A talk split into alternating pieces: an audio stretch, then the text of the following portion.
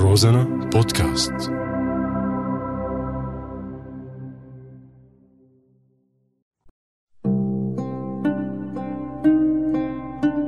بعدك على بالي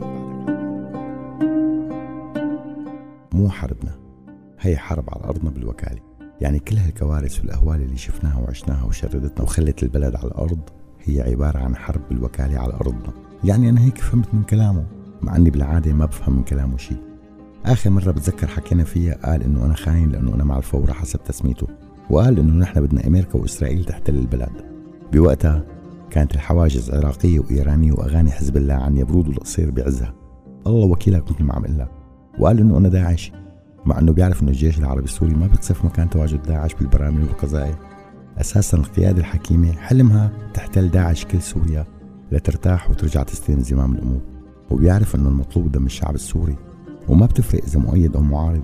هيك قال لي لما الطيران قصف الدخانية لما دخلها الجيش الحر قصفها مثل ما قصف جوبر مع أنه الدخانية فيها كثير مؤيدين.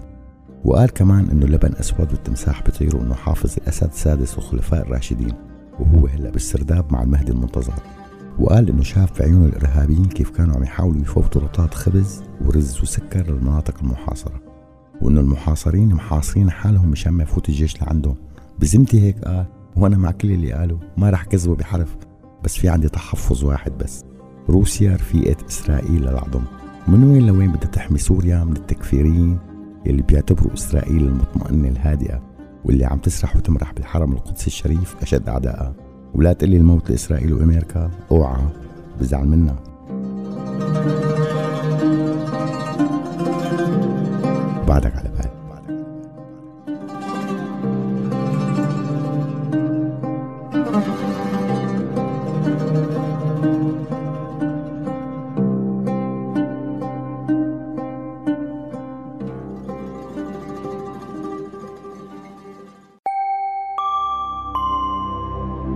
روزانا بودكاست